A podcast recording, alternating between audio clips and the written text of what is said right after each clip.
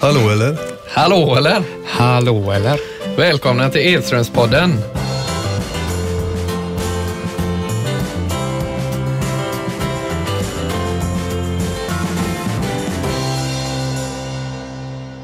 Dagens tema är idrott och alkohol. Men det var ju tur att vi inte har humor idag för lillebror är inte på humör. Vad kan det bero på pappa? Nej, det är naturligtvis den eh, tunga förlusten mot Gais med 5-2. Det var, det var en tuff eh, match. eh, 5-2 i paus och eh, matchen avgjord. Så att jag förstår honom. Eh, utsikten alltså, ta ledningen med 1-0 och sen så eh, hänger Gais fem baljor. Ja, det är väl frågan om det, det skrivs i tidningarna om eh, det har gjort sju mål i en, en halvlek i Superettan någonsin. Alltså, men men eh, det, det ramlade fullkomligt för, Utsikten försvar som normalt sett brukar eh, vara duktiga. Så att det var tufft för, för eh, kiken. Men lillebror skötte sig va? Jag var ju tyvärr inte där, jag satt ju på Öjsgården, men eh, en balja och en assist. Ja, den assisten är det mycket smör på. Det är en suverän passning till eh, Luka det som gör 1-0 och så trycker han in 2-0. Eller 2-3 då. Sen, men sen, de släpper in mål eh, för tätt in på sin reducering 2-3 målet. Så att, eh, tittar man över hela matchen så kanske är det väl ett rättvis, rättvist resultat. Ja, ja. Även Det är lite, stort kanske. lite stort. Ja, du är med oss i sändningen i alla fall lillebror, men du får se, du får bidra så mycket du kan. Ja, det, det är okej. Jag är ju inte på riktigt humör idag, men eh, det funkar. Jag är med här så alla vet det och ehm, jag tycker ändå offensivt gör vi gör en ganska bra match. Eh, men sen så är det ju faktiskt det defensiva som inte håller och det är ju det vi har haft, eller varit stabila på. Men mot Gais så var det fruktansvärt riktigt dåligt. Mm. Och ÖIS vann eh, Svenska cupen där, 2-1 Velevit. Det var väl inget att skriva hem om, men eh, vi är vidare i alla fall efter första omgången. Eh, har det hänt något nytt hos dig, pappa? Ja, Degerfors vann med 3-1 eh, mot eh, AFC United var det väl. Och sen eh, Åtvidaberg Gorilla. Det är paus nu. De får ladda batterierna. Eh, omstart 4 juli i Allsvenskan. Eh, de möter Halmstad med, hemma. Och det är mer än en sexpoängsmatch. Det känns nästan som en niopoängsmatch. För att ska de hänga på där så, så måste de vinna den matchen. Som ni märker så säger vi inte hur vi mår, utan vi relaterar ju till fotboll hela tiden. Ska säga att IFK Göteborg leder serien också efter, i pausen. Där då. Det är rätt imponerande faktiskt. Men vårat humör märker ni stämmer överens hur det går i fotbollen. Så pappa är lite glad där, Degerfors går bra. Jag är också bra och lillebror sådär då, kan man väl säga. Men vi fortsätter ändå. Idrott och alkohol, hur tänker vi där? Vad har vi för... Eh, vi kan ju börja lite med inkil. Inkil är ju när man skolas in som ny och eh, det har ju varit väldigt mycket alkohol eh, just på de aktiviteterna på min tid. Jag vet inte, var det så på din tid pappa? Nej, det var det väl inte. När jag flyttade till Åtvidaberg var det inget snack om sådana grejer. Däremot när eh, jag kom hem till eh, IFK Göteborg och även då när jag flyttade hem till, Jag skulle spela för ÖIS, men det blev ingenting, så då var det ju inkil som gällde från nya, ja. Ja, jag har ju varit med om några också, men den blötaste var ju faktiskt här när jag skulle börja spela för Skottfint för några år sedan. Då, då togs det i från tårna. Eh, men eh, som vi ser det idag så håller ju inkilen på väg att försvinna ut. Eh, är det så Joakim, idrott och alkohol, är man eh, mera sparsam med, alkoholen? Jo, men så är det ju.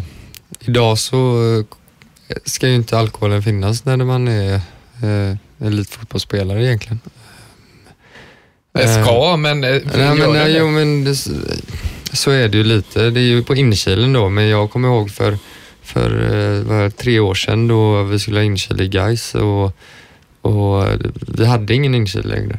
Vi, vi gick ut och tog en matbit och eh, de nya spelarna bjöd på det istället och det tycker jag är mycket bättre och, och trevligare eh, istället för att man ska kanske förnedra eller på det sättet kanske göra en ny spelare otrygg i, i, i situationen eller något sånt där så tycker jag det är mycket bättre att man går ut och, och har en eh, rolig stund och pratar med varandra och eh, käkar en god matbit. Ja, helt rätt tycker jag också. Jag tycker det också. Man man ska sluta med det där som du säger, du förnedrar ju de nya. Ska vi känna sig välkomna naturligtvis. Och inte att man får hitta på en massa dumheter och inte, kanske inte kommer ihåg något av insilen överhuvudtaget eftersom det dricks väldigt, väldigt mycket. Nej, och sen eh, tänkte jag lite på, på min tid så var det ju eh, dagar innan match. Då hade vi ju restriktioner att tre dagar innan match fick man inte dricka alkohol. Eh, i de svenska lagen. Men utomlands är det annorlunda, pappa, eller vad säger du?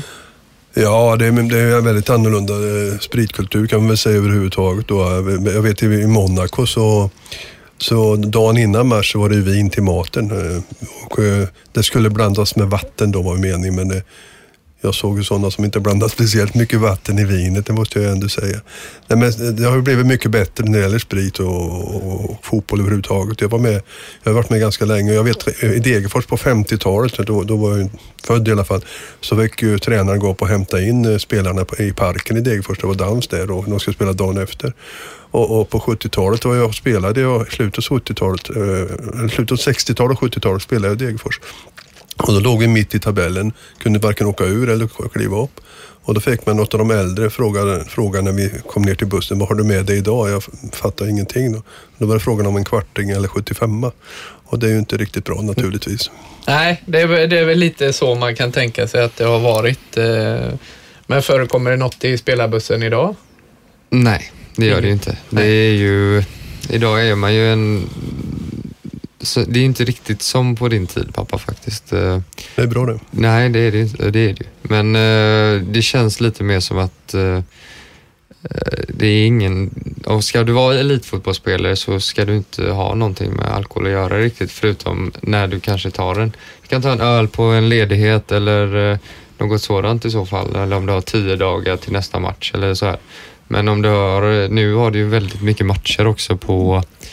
Vi har ju liksom haft i maj hade vi, tror jag, sju, åtta matcher på, i, i maj. Liksom. Så mm. man hinner inte riktigt med det om man ska prestera på den nivån som man gör idag. Nej, det går, det går ju inte och det håller jag med dig hundra procent om. Och jag, jag, vet ju också att eh, när man, förr i tiden i bussarna, när man åkte en lång bortamatch, jag tänker på Åtvidaberg då, och då var man ju inte så gammal, då, då, då sa eh, klubben att vi bjuder eh, vi äter maten, men vi bjuder gärna på en pärla till maten också. Och vi som var yngre drack inget, men vi var ju tvungna att beställa in ändå för det var ju gratis då. Så vi fick ju beställa in alla, alla vi som inte tog en jäkel. För att de andra skulle få ta den efter det, det kostar ju ingenting. Va? Så att det har ju blivit klart mycket bättre och det tyckte jag redan då eh, med blåvistiden då på bussen. Jag tyckte det var, det började då på, pratar man 77, 78, 79 vart det också bättre. Men inkilningen det var ganska tuff nere i Portugal när Svennis som är med Dennis Schiller och Tommy Holmgren var det som skötte det hela. Så att, men så, jag är så glad att det har utvecklats åt rätt håll i alla fall. Det här, så att, eh, och, du, tid, du ställde ju frågan med Pierre, hur lång tid innan och vi hade väl inga regler. Man måste ändå kunna ha den disciplinen själv. vad jag själv hade var väl Eh, Jocke pratade om tre dagar innan match, men två dagar innan match absolut ingenting. Eh, tre dagar innan match, alltså inte att man drack mycket, men man tog några öl till maten kanske. Men man måste ha en egen disciplin och sätta egna gränser. Man får aldrig nagga på den gränsen man har satt, att så här många dagar innan får jag inte ta. Börjar man det, då är, det, då är man illa ute. Men jag tror det är väldigt många, typ, många karriärer som går i stupet för, för flaskan idag eh, tyvärr. Eh, Idag, det var väl eller det har ju alltid, Ja, men det har det alltid varit egentligen, men det är tyvärr så att eh, du, när du är ung idag så, så är det mycket påtryck från kompisar och så som, som jag har haft väldigt mycket också. att eh, många kompisar som går ut och har kul och så här men man måste ju stanna hemma eh, ganska ofta ändå men så kanske man inte har just den här disciplinen ibland och så går man ut och jag tror det är väldigt många som kanske misslyckas på det sättet också. Ja, mina tankar är väl egentligen att eh, det, det, är ju den här kicken, endorfinen man får när man idrottar och när man eh, springer och gör saker. Då mår man ju bra.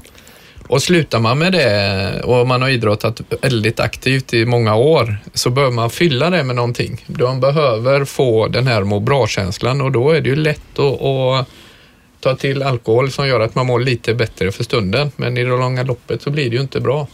Och hur bra du sa ju, måste man fylla det med något? Det passar in i det snacket. Ja, ja precis. Fylla men, känslan lite, ja. Mm. Nej, men då har jag, jag har ju en liten fråga här då till pappa. Eh, kanske inte är riktigt rätt att ställa den, men man, man har ju hört väldigt mycket om det här eh, vita pulvret på 70-talet. Vad, vad fanns det? Eller vad, vad vita förstår du vad jag menar? Vita pulvret. Ja. Ja, eh, du menar alltså, eh, eh, jag hoppas du inte pratar om knark nu eller? Jo, jo. Gör du det? Ja, det har jag ingen aning om. Nej, men det fanns inte. Men det, det gick en rykten om att det fanns klubbar som, som tog saker. Men jag har inte varit med om det. Jag, jag skulle ta i, I Belgien då eh, hade jag lite problem. Då fick jag en, en, ett gelé, det var en kula med vätska i jag skulle ta då för att känna att jag, att jag mådde bättre. Eh, Så, men den, då fick jag doktorn och sprättade in det i duschen. För jag, jag har alltid varit sån. Kan man inte vinna på ett ärligt sätt måste man göra det med doping. Eller, något det, det, det fattar inte jag. Eh, Vi spelade cupfinal med Råda med PSV också. Och då var det också, då hade jag ont i knä. Då säger doktorn att jag skulle ta någon grej, men jag sa det gör jag inte. Däremot var det någon annan i laget som tog lite och den personen i fråga, han sprang lika mycket under den matchen som han gjorde på hela säsongen. Så att det, det var ju inte så himla fräscht antagligen det han fick. Så att, eh, tyvärr eh, figurerade det på den tiden också eh, en del sådana grejer, men det var ju absolut inte ofta. Men som sagt, jag är helt emot allting vad doping heter. Jag tänkte lite på eh, idrottsföräldrar och så också som jag är idag. Då eh, är det ju hockeyträningar eh, 7-8 varje lördag, söndag hela vinterhalvåret och då är det ju lätt på fredag, lördagskvällen att man vill ju ha något gott vin och någonting och då blir det ju att man försummar det också. Jag vet inte, vi råkade ut för någon incident där pappa när du körde lilla syster. Hur, Ja, tyvärr. Alltså det var, vi hade varit ute på kvällen innan och, och frågade eh, Gabriella om man kunde skjutsa henne till mässan då. Och, man var ju inte fräsch och man tänkte okej då, men är man vill ju vara snäll och jag kan hjälpa till ändå men det gjorde man ju klart misstag då så att jag tyvärr så, eller tyvärr, det var väl meningen med det hela då att jag eh, åkte dit för rattfylla då och eh, miste körkortet då. Eh, men man måste nog tänka sig för att skaffa sig en sån där apparat att blåsa i innan man sätter sig i bilen. För, för det första så eh, ska man vara glad när man råkar ut för sådana grejer att man inte har eh, krockat eller skadat någon annan människa. Så det är pinsamt naturligtvis att man, att man gör sådana saker. Men jag har också suttit och varit fräsch på, eh, tidigt på morgonen på olika arenor och sett eh, andra föräldrar sitta bredvid mig och vara mindre fräscha om man säger så. Men det är absolut ingen ursäkt för vad jag gjorde. Det är bara att skämmas för det. Och, eh, men det, som sagt, det, det är en risk man tar när eh, fotbollsmatcher, handbollsmatcher och vad det nu är, när man ska skjutsa dina ungdomar eller barn då eh, på lördagar och söndagar. Men annars så tycker jag ju även eh, i, i mina ungdomsår där att eh, fotbollen har ju, eller ja, idrotten har ju varit eh, räddningen kan man väl säga i, och inte hängt på kompisar som har varit ute och, och, och slirat. Så att jag kände ju när jag var, var ung och eh, flyttade in till stan då när ni skilde er där när jag var 12-13, då var det ju väldigt viktigt att jag direkt hamnade i eh, idrottsförening då, eller då gick jag över till ÖIS. Eh, för då hade jag vissa kompisar som var ute och, och, och snurrade en del och i idrottslaget så var det ju inte accepterat utan det var ju bara vid enskilda tillfällen och då var man med lagkompisar och de tog alltid hand om en. Ja, men det är det jag har sagt många gånger. Många säger till att jag började med idrott och fotboll. Vilken, att du, där leds du in i det här med att dricka alkohol och det, det, det, det håller inte jag med om riktigt. Oavsett om du är idrottare eller om du inte är med in, inom idrotten så, så kommer du kanske in på det här med alkohol. Men är du då är med i en idrottsgrupp så har du omtänksamma personer runt omkring dig. Så ser de att det börjar pågå lite grann gå snett så har du stöd runt omkring dig som hjälper dig. Jag tror du inte har samma, om du inte har, är med i en idrottsgrupp tror jag inte det är samma. Som, man ska inte säga att idrotten är, leder in ungdomar på att lära sig att dricka alkohol.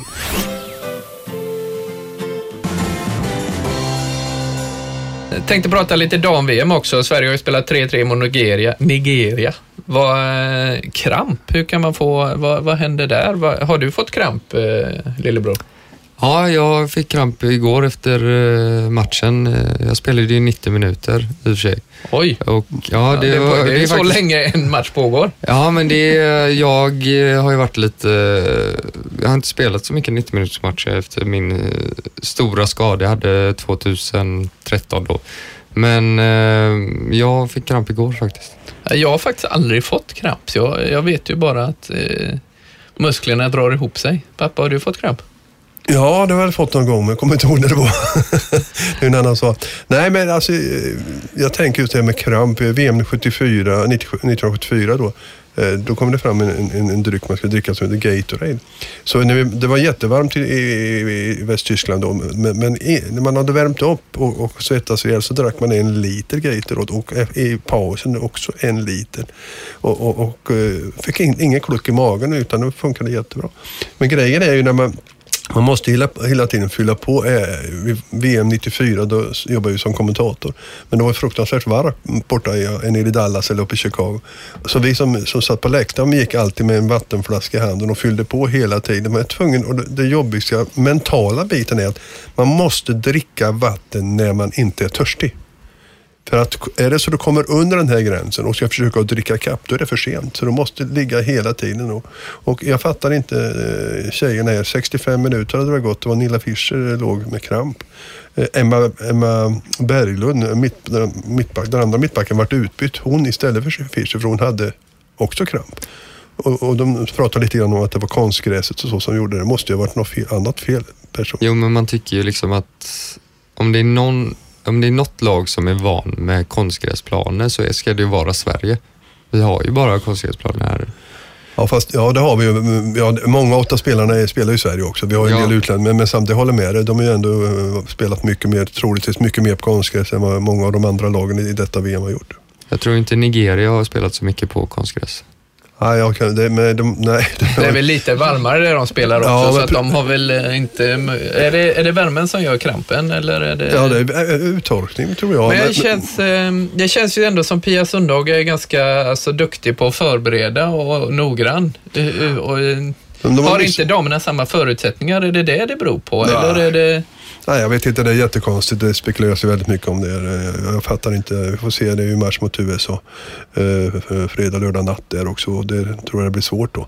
Eh, det, det som var kul var att se ändå Nigeria. De hade alltså Osho Ala nummer åtta där. Alltså det var en raket, spelade i Liverpool. Förmodligen, om man räknar ihop dam och herrlag i Liverpool så är hon den bästa spelaren i hela Liverpool. Kan jag tänka mig. Eh, jag såg ju matchen då Sverige, svenska Men, Vänta, du räknar ihop dam och herrlag. Hur tänkte du då? Eller var... Nej, bästa representanter för Liverpool FC. Okej, okay. ja. Ja. Jag bara försökte ja, jag förstår förstå. det. Ja, ja. Jag försöker förklara så gott jag kan. Mm, mm. Nej, nej, men eh, Sverige ska vara glada för att eh, att de fick en poäng med här för att eh, de här spelade varken eh, Lotta Schelin eller Aslani klev in i matchen överhuvudtaget. De, så att det, det blir tufft för Sverige, ingen tvekan om det. Men de brukar kunna skärpa till sig när det gäller. Men jag tippar en tredje pris, att de ska ta bronsmedalj. Men det kan bli väldigt, väldigt tufft. Tony Gustafsson är involverad i USA också. Har det någon betydelse? Känner han Sverige bättre? Ja, det borde han göra. Han har också varit eh, var assisterande till, till Pia Sundhagen när hon var förbundskapten i USA. Så att det, det, är klart det är en fördel. Sen är USA eh, ett vinnarlag. De kommer nog att ta, tror jag, hela VM. Så det blir en svår uppgift för Sverige. Sen har de Australien och då får vi väl hoppas att de kan hanka sig vidare från gruppen. Lillebror, dina tankar kring det här? Har du, har du något om dam-VM? Att du alltid ska hålla på med mig med damfotboll. Nej men eh, jag är ganska, jag är inte så insatt som sagt. Eh, men jag tycker det, det är inte så bra att det är 3-3 mot Nigeria kanske. Ehm, men vi får väl hoppas på det bästa och att Lotta och Slani och tjejerna gör det bästa de kan. Vad, var det, vad spelade Lotta i för lag nu? Um, Leon. Ja, bra. Tack. Denna veckan är det West Pride här i Göteborg eh, och eh, vi har bestämt att ta lite ställning och vi är ju ÖIS då så vi går ju med i paraden och sen kommer alla med armband då från West Pride komma in gratis matchen. Bra initiativ. Hur, eh, ja, det här har vi tagit i laget och, och alla står bakom det. Eh, HBTQ-frågorna då. Eh, jag tycker också det är bra med ett öppet samhälle Eh, hur har det varit tidigare? Jag tänker väl eh, främst i omklädningsrummen innan. Är det något man har pratat med på din tid, pappa? Nej, det existerar väl inte då överhuvudtaget att prata om det här. Det är ju långt tillbaka till 70-talet så att det, det var inte mycket snack och sånt då. Nej, och sen eh, lillebror, du spelade ju med Anton Hysén där och det vart ju, han fick ju väldigt mycket rubriker när han kom ut där. Eh, hur, hur var det under den tiden, Utsikten? Var det för mycket fokus på det? Mm, nej, det var det inte, men eh, det var ju... Han fick ju väldigt mycket publicitet eh, ett tag där, men alltså Anton har alltid han, är all, alltså han har alltid varit Anton liksom för oss eh, i, i Utsikten och han är inte... Man bryr sig inte om det riktigt. Liksom. Alltså att han, han, är, han är ju fortfarande en god gubbe och liksom, eller, det är svårt att säga någonting om det. Nej, men det, för oss så känns det ju så naturligt. Jag har ju varit eh, en del, av- alltså jag har ju bott i Miami och... Ja, men det är ju alltså naturligt. för mig är det en del, det är väldigt naturligt för mig. Så att jag, behöver, jag lägger liksom ingen vikt i... Nej men så är det ju. så, exakt så var det ju liksom med Anton också. Vi, man har ju alltid, man har ju vetat hela tiden lite innan också, innan han kom ut. Eh, Så det var ju naturligt liksom att han, någon gång skulle det ju ske. Ja, det var inte samma på den tiden jag var växt- uppväxt. Det, det var ju en sensation om det skulle upptäcka att det var någon sån. Det var en, ett litet lag i Degerfors eh, som var homosexuell då och han var ju utpekad och hånad kan man väl säga nästan för att han, eh, han var det. Och han bytte ju, duschade ju aldrig ihop med de andra i laget utan han eh, klädde på sig och åkte hem och duschade.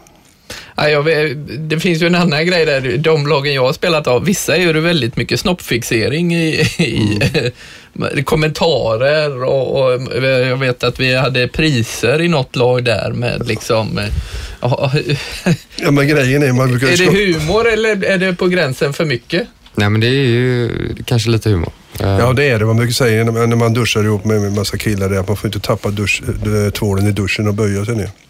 Nej, nej, men det... Och då är det så här med, med liksom, vad är roligt och vad blir för, för... Alltså blir det för många sådana sexanspelningsskämt så kan det ju vara obehagligt för någon som kanske sitter i ett omklädningsrum och, och och har en annan läggning.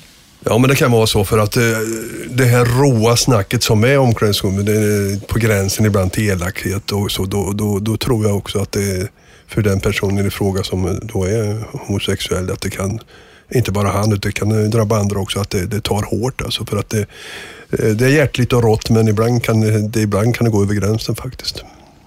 Ja, det är ju viktigt och det är väl en uppmaning till alla spelarråd. Eh, Nästan alla lag har väl spelarråd, att man är lite uppmärksam på det. Har ni spelarråd i Utsikten?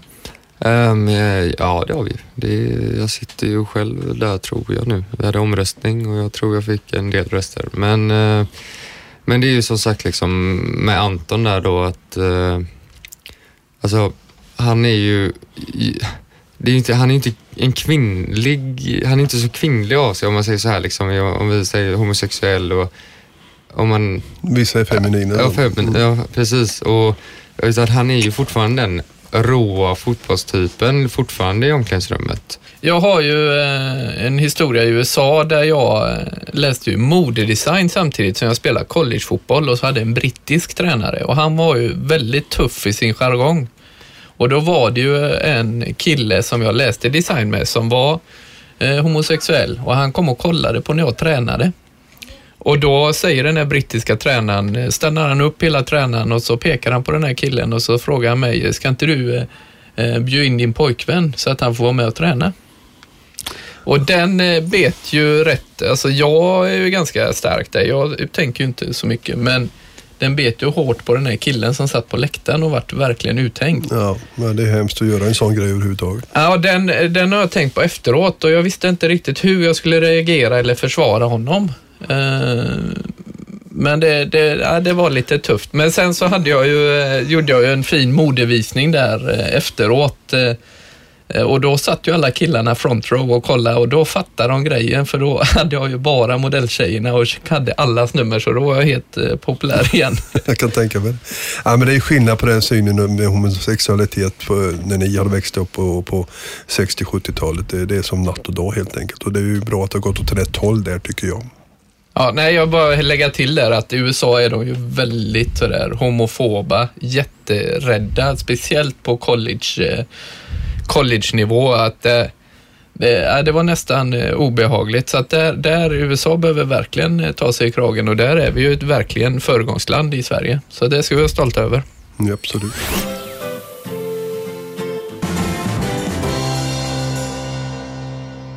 Det var ju Champions League-final här. Eh, Juve gjorde det bra, men Barcelona gjorde det bättre. Det var kvalitet på deras eh, spel. Ja, eh, Barcelona vann ju rättvist Jag tycker det är starkt att Juve har gått till en final, men eh, de levererade på bra nivå, Barcelona. Och en av mina lirare som jag alltid älskat, Iniesta, var ju gudomligt bra tycker jag. Jag trodde ändå Juventus skulle ta chansen när de gjorde 1-1 där. Ja, de, de är ju svårspelade Juventus, ingen tvekan om det. Men, men som sagt, eh, tittar man på över 90 minuter så tycker jag ändå att det är rätt. Och jag tar väl avsked av två stora lirare också, Pirlo och Xavi då, som eventuellt slutar då. Men Xavi är ju, läser man ju ändå om att han kanske, kanske går till något annat också och fortsätter. Pirlo ryktas till eh, New York tror jag faktiskt. Jaha, det, blir, det kan ju bli USA även för Xavi kan jag tänka mm. mig. Det vill, det vill säga, Xavi sista. är klar för ett Qatar skulle Ja, Qatar var det ja. Qatar skulle. Ja, men vi får tacka dem för det de har gjort i Europa då. Ja, ja. Då, det är ju Två sköna lirare. Ja, det är ju helt uh, magiskt hur uh, de två spelarna har presterat under här i Europa. Och... Jag tänkte när Milan släppte Pirlo tyckte han var för gammal. Och så, och så gick han till Juventus och vann väl en 6-7 titlar efter det. Så att man ska inte titta i passet hur gammal man är utan låta dem köra men, vidare så länge de tycker det är kul. Men är det inte lite så att eh, i just Champions League-finalen så är det fortfarande Messi som är, är skillnaden eh, egentligen? Ja, men Messi är det alltså outstanding tycker jag. Han är fantastisk. Han rör ju inte gräset han springer. Han springer ju över gräset egentligen. Och, och det är otroligt då så mycket smällar han får. Han är så kvick i fötterna men han håller sig ändå väldigt skadefri. Tycker jag då. Han har en sån spelstil som gör att visserligen hinner han undan ofta men när man kommer i full fart och får en smäll så blir det ofta stora skador. Jag tycker Suarez har gjort det bra också. Även, ja. och Neymar är ju fantastisk, så att det är svårt att säga någonting där. De, att, att de har kunnat spela ihop sig är väl egentligen det som är den stora grejen. Ja. Att eh, inte Messi har svävat iväg eller inte hittat. Han har ju svårt med tidigare anfallskollegor.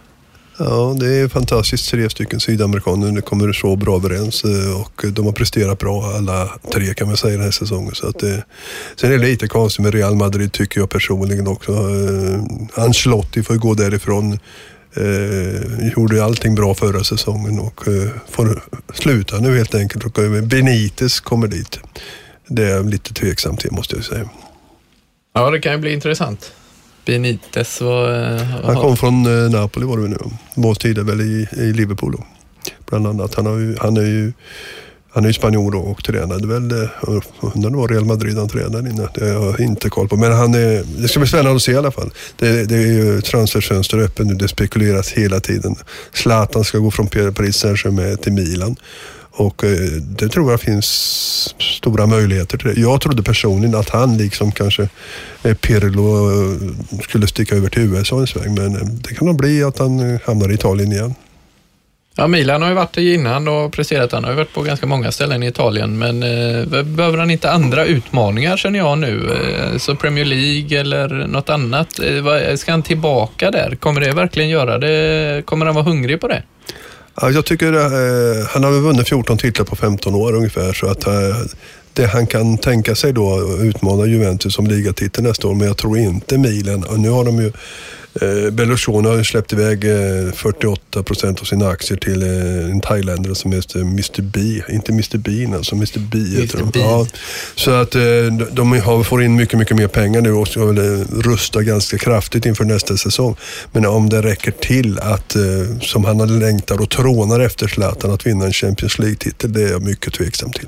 Ja, Zlatan, det, han är ju fantastisk, men eh, skadorna börjar komma nu eh, lite grann. Det är lite oroväckande där. Hur länge till håller han egentligen för, för eh, toppnivå fotboll?